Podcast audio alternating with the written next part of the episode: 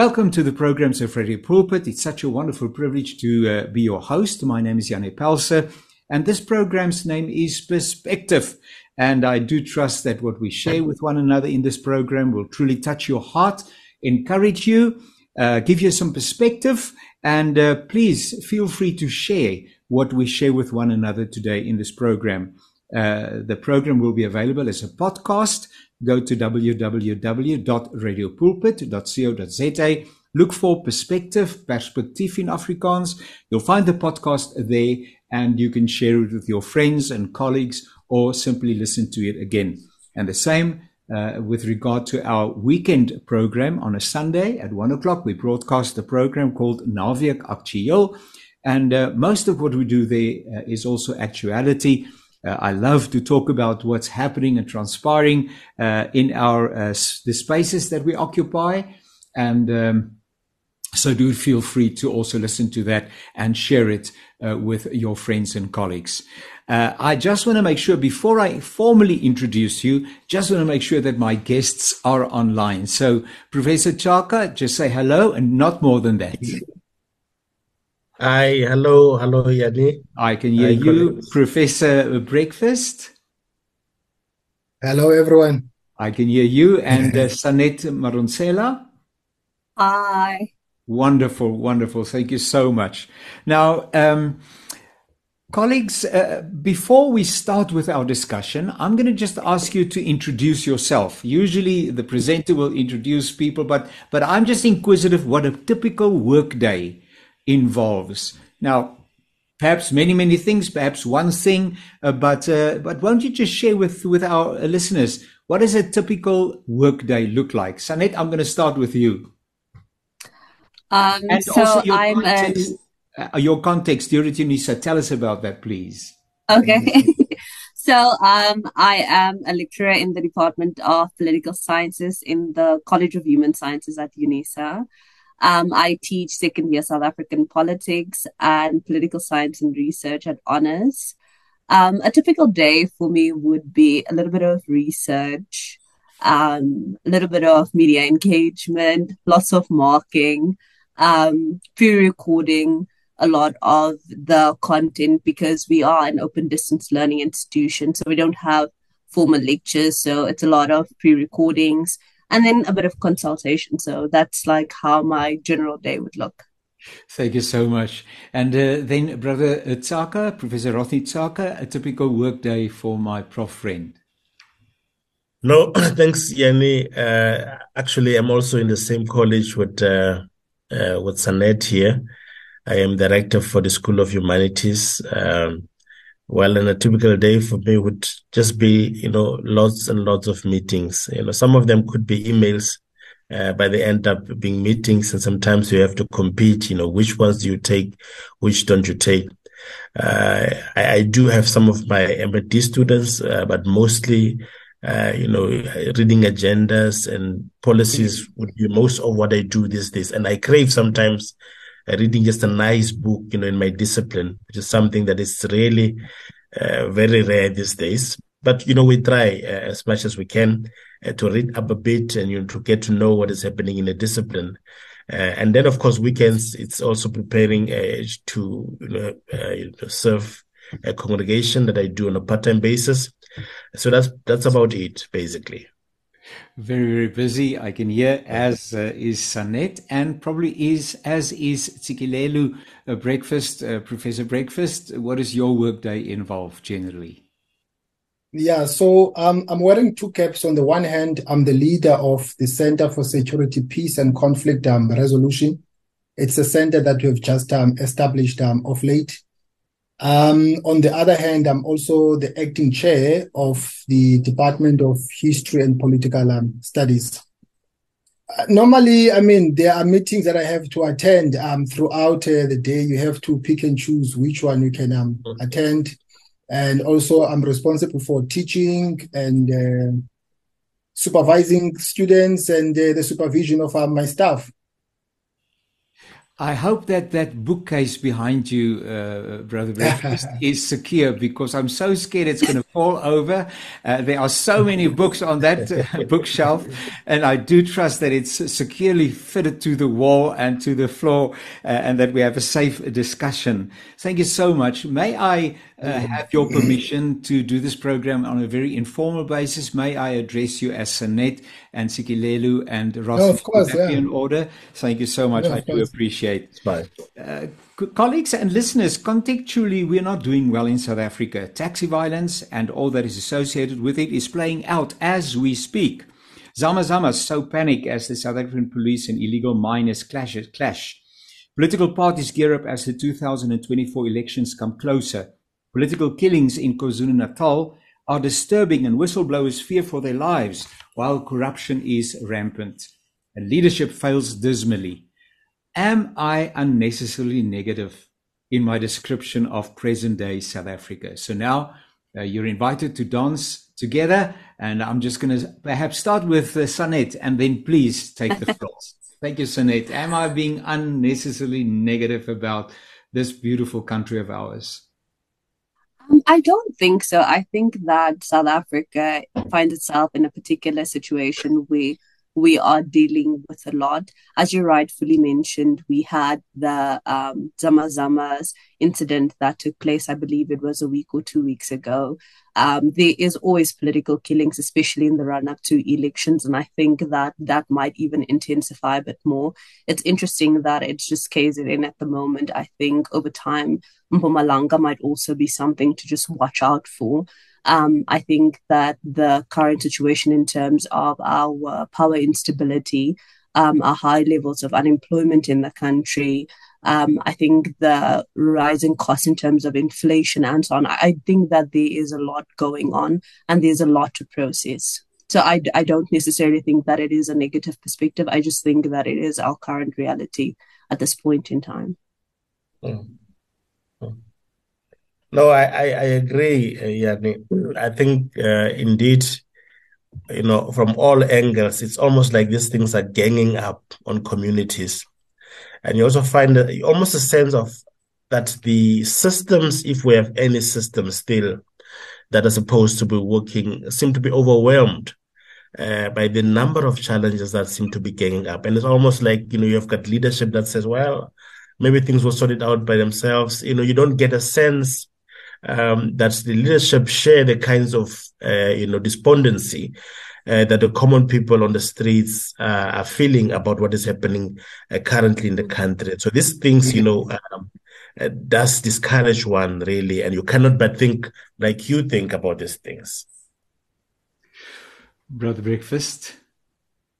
Um, I think first of all, there is no democracy that is uh, perfect. The same goes to ours I think the problems that we are grappling with, they signify that democracy is not a panacea for societal um, challenges. Uh, because in as much as we have democracy, but we still have these uh, contradictions. Some are structural, others are caused by the failure of uh, the powers that be in terms of uh, rendering services to the um, inhabitants. Um, I think South Africa is a, an epitome of a, a deep rooted uh, society as opposed to a post conflict uh, society. And like uh, any deep rooted uh, society, um, peace, you know, tends to be fragile. Uh, so that's why you've got all these threats, uh, zamazamas, which is a security threat because um, one of the drivers of our um, economy is the mining sector. Um, I think it was Ben Fine and uh, Rustomjee who spoke about uh, the mineral energy complex as a center of uh, accumulation. So, if you are tampering with that sector, by so doing, you are tampering with the performance of the uh, um, economy, but also that has a spillover effect to uh, security. Now, now, just in the very recent past, thank you so much for that uh, uh, initial remarks, uh, and uh, thank you again for for just participating and adding uh, so that we do get perspective. But um, after the 10 year celebration uh, of the EFF a week ago, Mr. Malema maintained that the song "Kill the Boer and Kill the Farmer" belongs to the struggle history of a certain group of our of our society. And he, without apology, said that no one will prescribe, prescribe what he sings or what he doesn't sing. So, on the one hand, white folk take exception and seek ways to address this issue. Uh, on the other hand, uh, as I should have said. So uh, I listened to conversations on the radio, and many people seem to agree with my, Mr. Malema's stance. Perhaps it was just the time when I listened to a particular program, but it was in, interesting to hear what people say. Uh, what do we do? Uh, how do we how do we negotiate this kind of uh, of communication of dialogue uh, in, in, a country such as ours that already is so fragile so incredibly fragile? Or is it okay? And and and thank you for being quite open because help us to understand. No but this is part of of our heritage and help us to understand. Please um, an open invitation. I'm going to start with Rothney and then you you tell me what you think. Rothney no, no. I, I, I, I well, I, I think with, with to that song and the history of struggle songs, I mean, there, there are other songs as well there. Uh, of, of course, it must be located within a particular context of, of where it comes from. But also, it is it is true that we also have people in this country who want to use that precisely uh, to then fuel uh, other other tensions in the country. So that that is one. I mean, I mean, when we sing that song in the in the struggle days, when we sing this kinds of song, it was really never the intention uh, to say uh, to say we are killing uh, white people and stuff like that, because it was something that that that people would use to sort of bring people into a particular hype about certain issues. What what instead we are not paying attention is the huge huge way in which wealth is still has has been distributed or is distributed in this. I mean, there was a a study uh, last last week that was made by the marketing um, uh, bureau uh, led by Prof. Van Aardt, uh, who, who, reminded us that we are the most unequal society in the world today.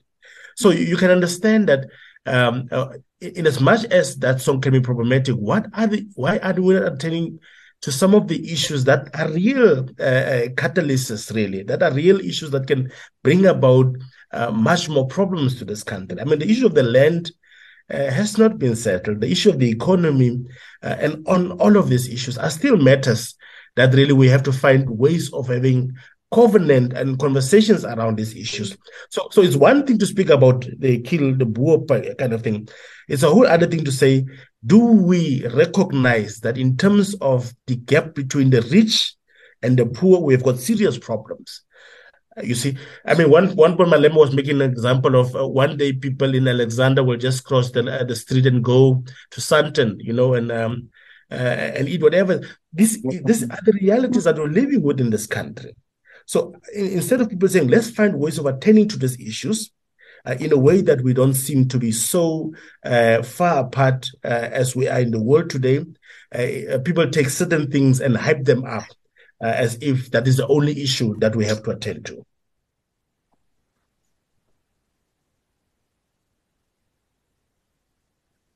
Be my guest, Ntsikelelo help us to understand yes yes. Um as i pointed out earlier on that like any other democracy as a country we have ups and downs.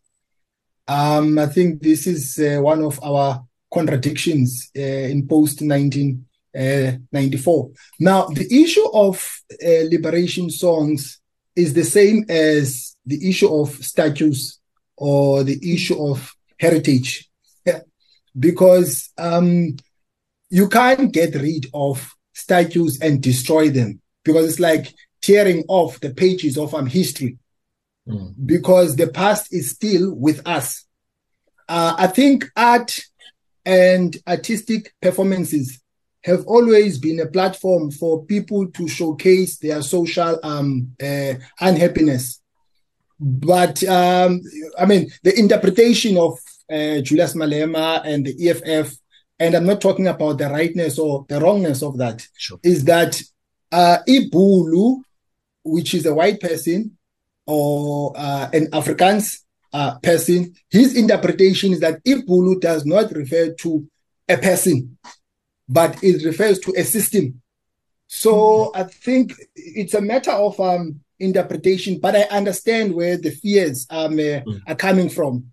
That you know, by singing a song like that, you are trying to ignite um, uh, violence or trying to to add fuel into um, uh, the wounds.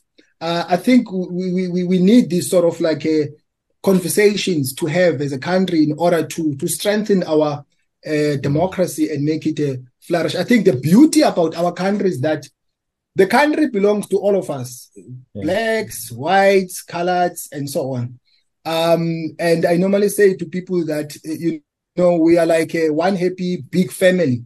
But like any other family, we've got issues that we need to, uh, you know, sort of like a, um, address because there's no family that is a, a perfect. I'm not sure that the country is heading towards um, a disaster or the country is going to um, uh, the dogs. I'm very much uh, um, uh, optimistic, in particular in the light of the build up to the general um, elections. I think people are going to to make a call in terms of which direction should the country um, uh, take. Uh, Sanet, what do you think? Can I labor the point a little bit because this is so real at the moment, uh, and uh, I know that certain uh, civic organizations, organizations representing people, especially white people, then in this particular case, and I wish we can just get beyond white and black and brown and pink or what have you. But this is our context, and it will probably take a long time before we just say, but we as South Africans, we as human beings, uh, but but but that, that's not our reality at the moment. Fact of the matter is that uh, people uh, find themselves in opposing camps. So and and and white people listen to the song, uh, and um, and they say, but under no circumstances, even if it was meant to um, to to criticize a system. Um, perhaps that belongs to history, but shouldn't we find a new narrative? Um, uh, if I think, and I, I have no desire whatsoever to show or bl- to have the old flag, South African flag, uh, on a pole somewhere. Please hear me clearly. I have no intention and so on. But that in itself is is, is, is offensive and is not is not as far as, far as I, I know it is it is it is not allowed. It's not in order. So shouldn't we and and I hope what uh, uh, Ntsikelelo said I think Rothney also that we should somewhere sit around a table and say what is it that we have in common? How can we continue with that? And and and am I willing to is there something that we as white we as brown we as black people need to lay off for the sake of future generations and see whether we can find one another. Sanet, what do you think? Uh, uh, you know, I've had a discussion with some other folk regarding this song, and I felt, but it's not fair to have a one sided uh, understanding and approach. That's why I've invited you today to say, well, help us. And, and Rathi, this is my next question also. What is it that we as white people, oh, I wish we could move beyond that, but what is it that we don't hear? What is it that we don't hear? Because apparently we don't hear something. Can I just for a moment say, uh, after the incident, you know, some white people, which is not, I'm not saying it's the right thing, but uh, because they were offended and they felt this is not in order, they marched, and it was a few people, a handful of people, that went to the EFF's headquarters to address the issue and speak to Mr. Malema and something. When I listened on the radio, uh, people did not hesitate to call these guys white racists. So it just seems as if we're drifting further and further and further away from one another. Uh, Sanet, help us. Perhaps you have uh, some wisdom. Um, so this particular matter is interesting. I think one of the first things that people need to take into consideration is if you were to go to a political rally, it doesn't matter if you go to an ANC rally, whether you go to an EFF rally, uh, IFP, DA, and so on. One of the things that people always start with is they start with music. People start with music to create a sense of unity. And sometimes um, from that may stem songs from a liberation struggle, especially if you um, are attending like an EFF rally or an ANC rally, you are bound to bump into some liberation music. So that's the first thing. Secondly, as um, Professor Rodney rightfully said, music was created within a particular context. And I think that context matters, especially when it comes to art, um, especially when it comes to music, as Dr. Breakfast mentioned. And I think that one of the things that you shouldn't do is you shouldn't literally take everything specifically. I don't think that. Um, I don't particularly think for that instance that the song was sent was uh, sang as a way of inciting um, hate or racial um, discrimination against people of Caucasian descent and so on. I think it was just a way of getting people into that motion before. I mean, like the guy came up like he was floating above the crowd. I think that Julius is a showman. So I think I, I, think we should take that into consideration too. Yeah, yeah. Then additionally, I think that while people may say that it is not right to have certain things and to, um, for example, have liberation songs. But I also think that it wouldn't be right to ask people to not acknowledge their background and the struggles that some of the ancestors face. And I think some of the people who actually were exposed to apartheid still exist and they're still alive and so on.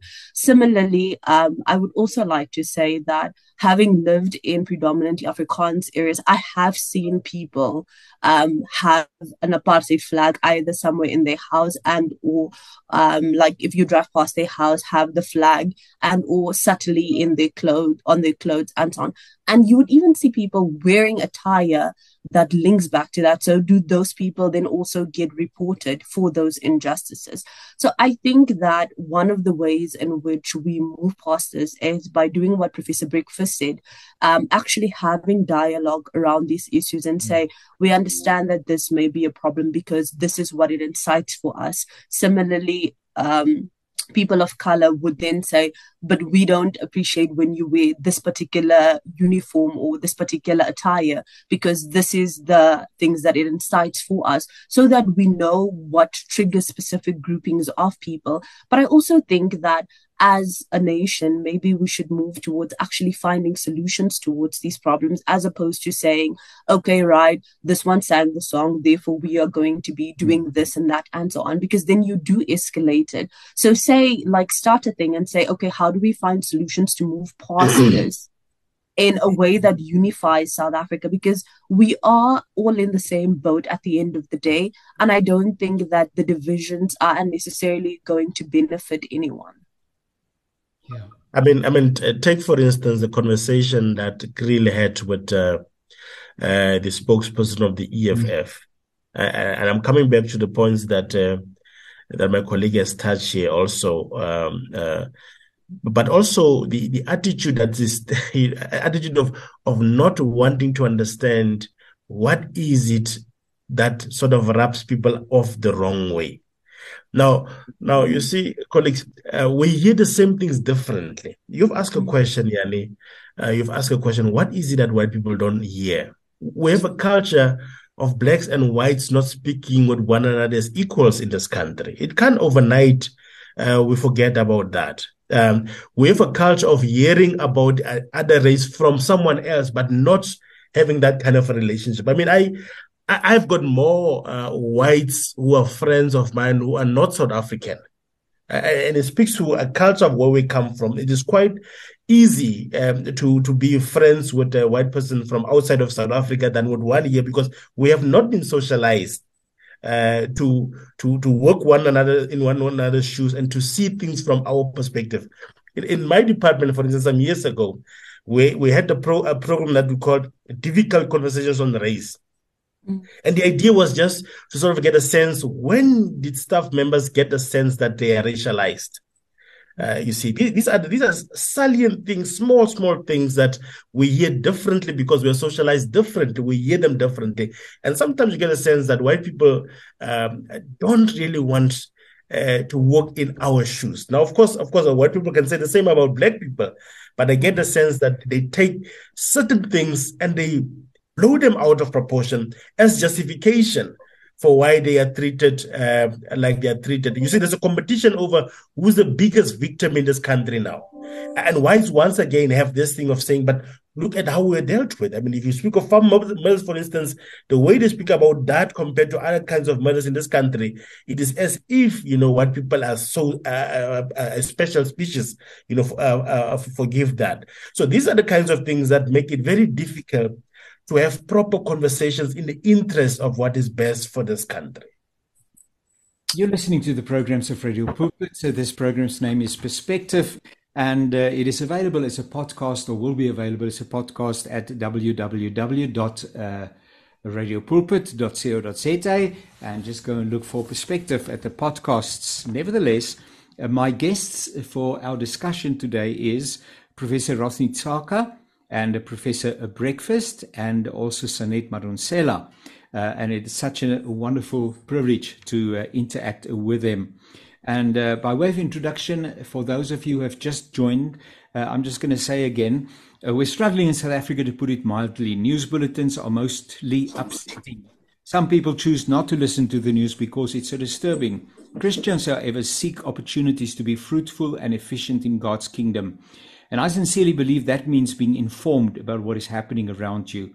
South Africa is our context, and this is the space where the kingdom of God must come. However, in the light of all the negativity, the question is how do we proceed? So, just before we uh, took the interval, um, we spoke about, um, and I think Sanet helped us with a better word than white. Caucasian people. Was that the right term? Perhaps that communicates better, but uh, it's just uh, for now. We're white and black, but we are God's children, made in His image. Nobody doubts that.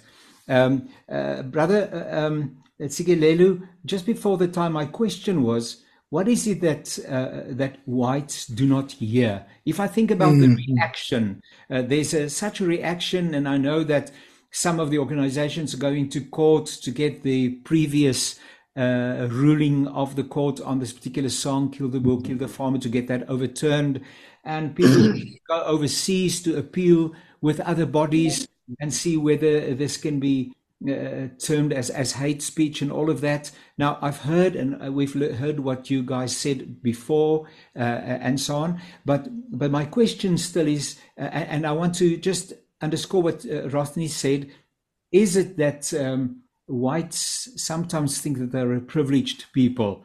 If somebody dies in the white community, especially a farmer, it's a big deal. But hundreds of people, well, today nearly 100 people will be killed in South Africa. And I probably most people that are killed today will be people in informal settlements, uh, Cape Flats, etc., etc. So, uh, please help us. Yeah, I think it was uh, W.B. Du Bois who once said that um, the problem in the 20th century, and I would paraphrase him and say the 21st century, is the issue of color line. So race is a central way of um, examining things. And my view is that um, race is not only a, a, matter of political identity, but it's about certain values which are binding people uh, together. That's why people have a tendency to gravitate to those of their own as opposed to those who are not of um, uh, their own. But also, I think race is a multidimensional uh, concept with with uh, you know a multiplicity of uh, functions. Um, one of them might, be, you know, the acquisition of privilege and so on. Um, the, the, the, the, um, the possibility of making one to have access to certain uh, resources. Uh, and, and I think that seems to be the bone of a, a contention. But I like the point that was made by, I think it's Professor Tshaka, that there's a competition in the country now as to who is the biggest victim. Um, but I think we, we need to realize that um, we have no choice. The, the, the, the only way out of this is for us across the racial divide to work with um, uh, um, uh, uh, each other. Um, otherwise, the country uh, will be affected by you know this uh, tension. Yeah. Um, Please, uh, uh I see that you're ready to say something. Otherwise, may I pose the next question uh, and then uh, and then simply add to that? No, no, no. I think it's, it's we are, we're all saying the same thing. I think you know, I, and this is so deep, and it's uh, it's it's indeed a sensitive matter. This, and I think I like it when we all acknowledge that we are in this. Now, now, well, I, and I've said it. I have said this to you before, uh, Janne. When I was teaching in Zimbabwe, the students during that time would say, uh, when when when I criticized it, they would say, "But this is our Zimbabwe," and I find a sense sometimes that there are people in this country who have many options. Uh, we have many options, and that and that is why they prefer even the ways that they go about because there is no sense that this is our only thing that we're having. Uh, and if this is the only thing that you're having, then it then it then it, it is incumbent upon you to find ways of making sure that the conversation in interest of this only thing are happening. And, and we have not really seen sincere conversations, you know, uh, from yesteryear to say, but how do we deal with the issues that we are faced with today? Now, now, of course, you know, uh, history is important, and sometimes history can also be a problem for not holding people accountable in the now. But it does impact uh, uh, uh, the, the now. And sometimes we need to uh, acknowledge that, but also find the issues that need our current attention and see how we proceed from there. I find that sometimes white people uh, can decide not to participate in this conversation because they have that option. You know, what do I care about these things? I mean, it's not, it's nothing is going to fall off from me if I just uh, don't engage you on these issues. While others, we have nothing but this. Perhaps this is not the right forum uh, but perhaps just a remark, uh, because um, uh, Rothney, you referred to South Africa being the most unequal country in the world, which many people say, and which is clear. You simply have to drive around. Uh, uh you refer to the land issue, for instance, etc., etc. Um, who has to address this? Because you know, if I if I think of my of, of the listeners to this program, um, who are just regular citizens in South Africa, like all of we are, they would say, but what can I do about the land issue? What can I do about the unevenness in South Africa? I try to treat people, and this is a Christian radio station. I want to sincerely believe that people mean it well with one another.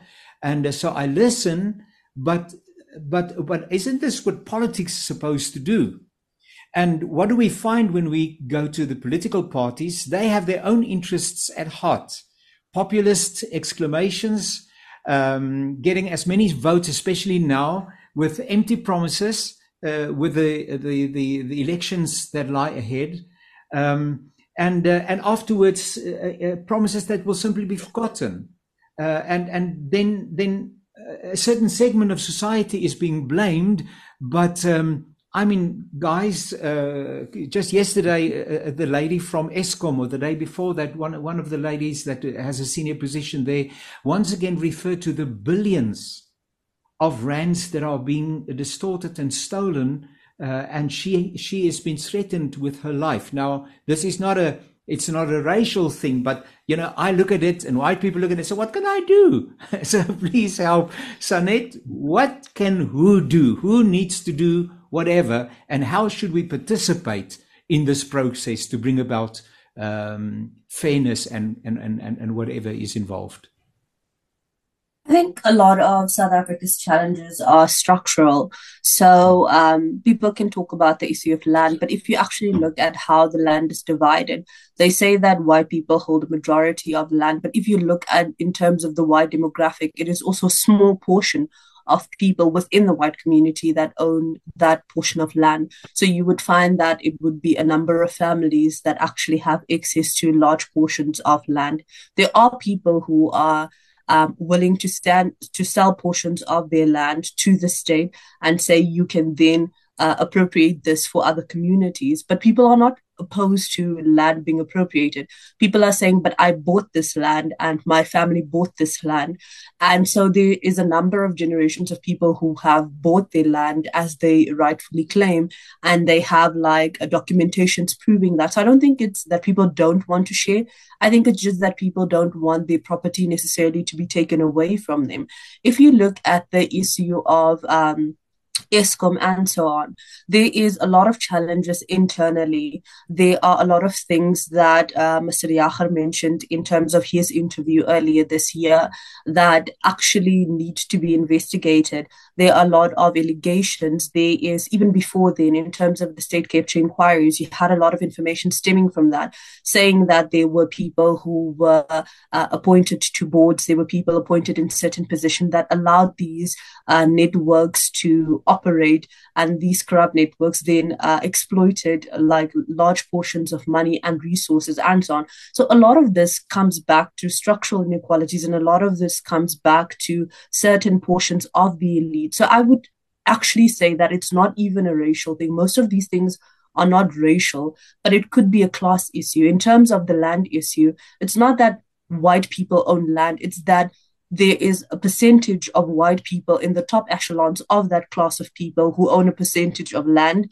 And therefore, when you look at it, you say it's them that own the land. And then you find people who would be in your middle class who would say, I'm willing to sell portions of my land because my children are not interested in farming or going into agriculture, etc.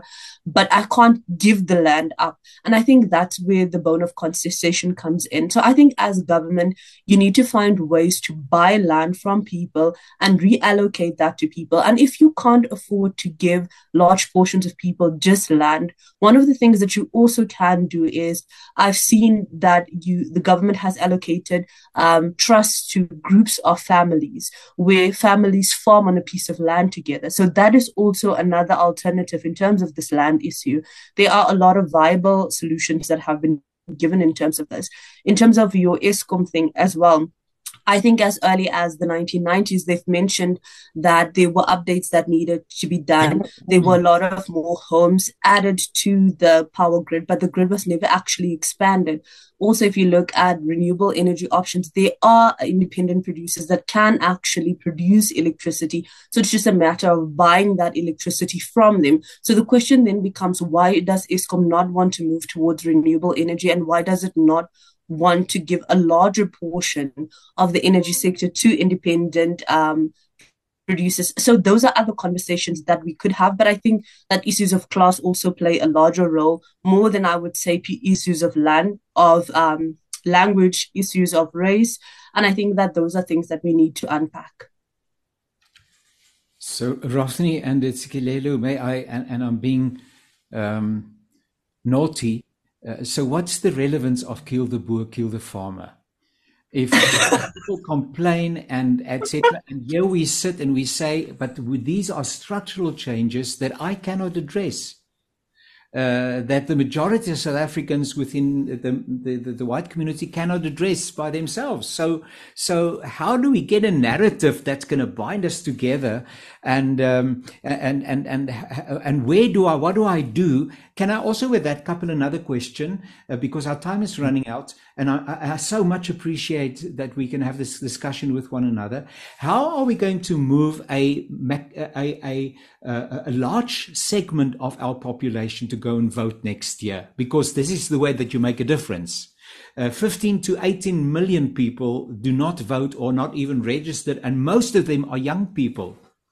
What is it that people need to hear that will take them to the polling stations? What will give people hope in South Africa? All people hope uh, that will actually invite them to become uh, partners in project, what I love to call Project South Africa. How do we get people to partner in Project South Africa? Rothney? No, certainly not with Kill the Boer, Kill the Farmer. that is not going to help us uh, to get there. I, I, do think conversation, and and and, and you know, uh, yeah, I'm a sucker for conversations because uh, uh, you know, the day that you wake up and decide that I'm not speaking to the other, that's the end of us. Hmm. I think conversation and more conversation. I think we need to uh, to be quite strategic as to um, who are the ones uh, who should be running with this. Clearly, uh, politics have shown many a times that you cannot totally depend on that as well. I think if we start to have uh, projects that get to be seen in the media of where these things are happening already, because there are small pockets uh, where some of these things are happening, but we don't see them in the way that we see the despondency uh, through media. And in a way, I think media has to be blamed also sometimes for for creating particular pictures uh, and not for putting to the to the to the fore some of the good stories that people can hear and want to hear and want to learn from uh, that we have uh, so many in this country. Ntsikelelo? Yeah, so um earlier on you were asking what are the ways and means of um encouraging the electorate to vote? Yes. Um, I think first of all, we need to appreciate that one of the hallmarks of democracy is public uh, participation, and um, an election is a form of public uh, participation, in my view. Mm. Um, now, the the challenge is that there's a symbiotic relationship between service uh, delivery, a slow pace of service uh, delivery, and voter turnout because when uh, there's a slow pace of service at delivery. Voter turnout tends to be very low. For instance, you are talking about young people. You are quite right that young people they constitute a, a huge chunk of the um, uh, electorate who are eligible to vote. But the challenge is that they feel like the old guards are turning a blind eye to their plight and that begs the question as to why must I vote if old people are not taking me uh, seriously? Um, so I think also we need to have those uh, um, sort of like a, a conversations that the people who are at the helm of power do they care for um, uh, young people that they are um, uh, leading? But the danger of not voting is that regardless whether you vote or not, someone is going to vote for you and you are going to have leaders that have been voted for, even if you don't vote. So you might as well vote. Sure. That's very, very true. Thank you so much for that perspective. Now, I'm so glad that I speak to my learned colleagues because I've learned the word Caucasian now, and I've also learned symbiotic uh, from my brother. so it's always a learning experience with you, always a learning experience. Uh, colleagues, um, I, am going to end this program and I'm going to be, I don't know whether it's in order to, on a Christian program, say that I'm a devil's advocate, uh, but I'm going to try and be. as we as we in Afrikaans we say as ons so oor die draad kyk 2024 is ahead of us and I'm going to ask you without qualifying the quality that's not what I'm talking about. What I'm asking you when you look so oor die draad to 2024 and the elections that are up and coming uh, more of the same or in for a surprise what would you say? Uh, and I say, "Die, uh, Rothney Tshaka, haiku sommer." To I ask when I asked that question, like I was saying, throwing something at him. I, I really hope, yeah, I really hope that uh, people have had enough. Yeah, uh, I think uh, you know sometimes, and you can do this sometimes, but you can't do it all the time. I think people have had enough. Uh, with the lack of service delivery in this country, uh, with the corruption that is so rampant that they are seeing, it has become so normalized and it has speculated many many other sectors uh, of of the communities. And so I'm hoping that uh, they would see uh, next year as a watershed year for them to bring about the change that they want to see in their communities. That is Professor Rothney Tshaka, University of South Africa. Professor, thank you so much for your participation. It's always a pleasure to interact with you. Sanet Madonsela, what are you saying when you look over the draft? I ek dink ons is in vir verrassing. Um like with regards to the elections, I think that a lot of the smaller parties are going to come up. I think a lot of the larger parties could lose their votes. Um like the previous speakers mentioned, I do think that we will be seeing a lot of changes, drastic changes. Um, but as someone who is in the youth group, and I think I'm like somewhere in the middle, I think that uh, if you make out 15 to 17 million uh, people and you have 51 uh, percent of those people being unemployed, like that's also a problem. So I think that could be a thing. But I do think that there is a move towards uh, voting. I do think that we need to do more in terms of electoral education. And I do think that we could do a little bit more in terms of mobilizing the youth. And I think it might be nice to have some young leaders too.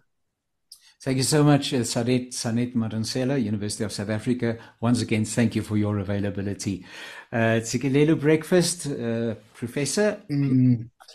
Well, um, is it that you see? Yes. Um, uh, first of all, I, I don't have a, a, crystal ball, so it, it's quite difficult for me to tell which way the wind is blowing.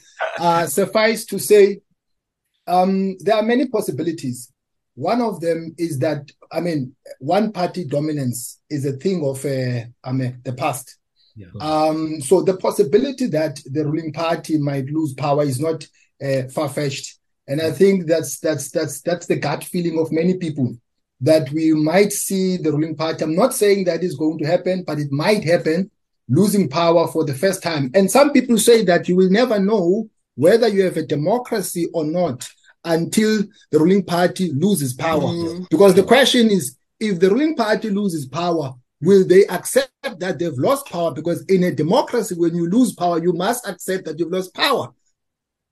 That will be um, uh, interesting. Professor Breakfast and Ntsikelelo Breakfast, thank you so much for conversation. And in a sense, I feel that we're only warming up to the conversation now. It's really becoming lacquer only now, and now we have to take leave of one another. Thank you so very, very much. May you have a blessed Women's Day together with your uh, loved ones. Uh, uh, and uh, may God bless you richly. And uh, let's do this again soon. Thank you so much for your time. And listeners, thank you so much for being part uh, of this discussion. I'm sure that it has encouraged you. We've learned a great deal. We need to talk to one another, as our brother Rothney said, uh, a sucker for conversation. We need to be suckers for conversation, spending time with one another, and uh, uh move into a symbiotic relationship.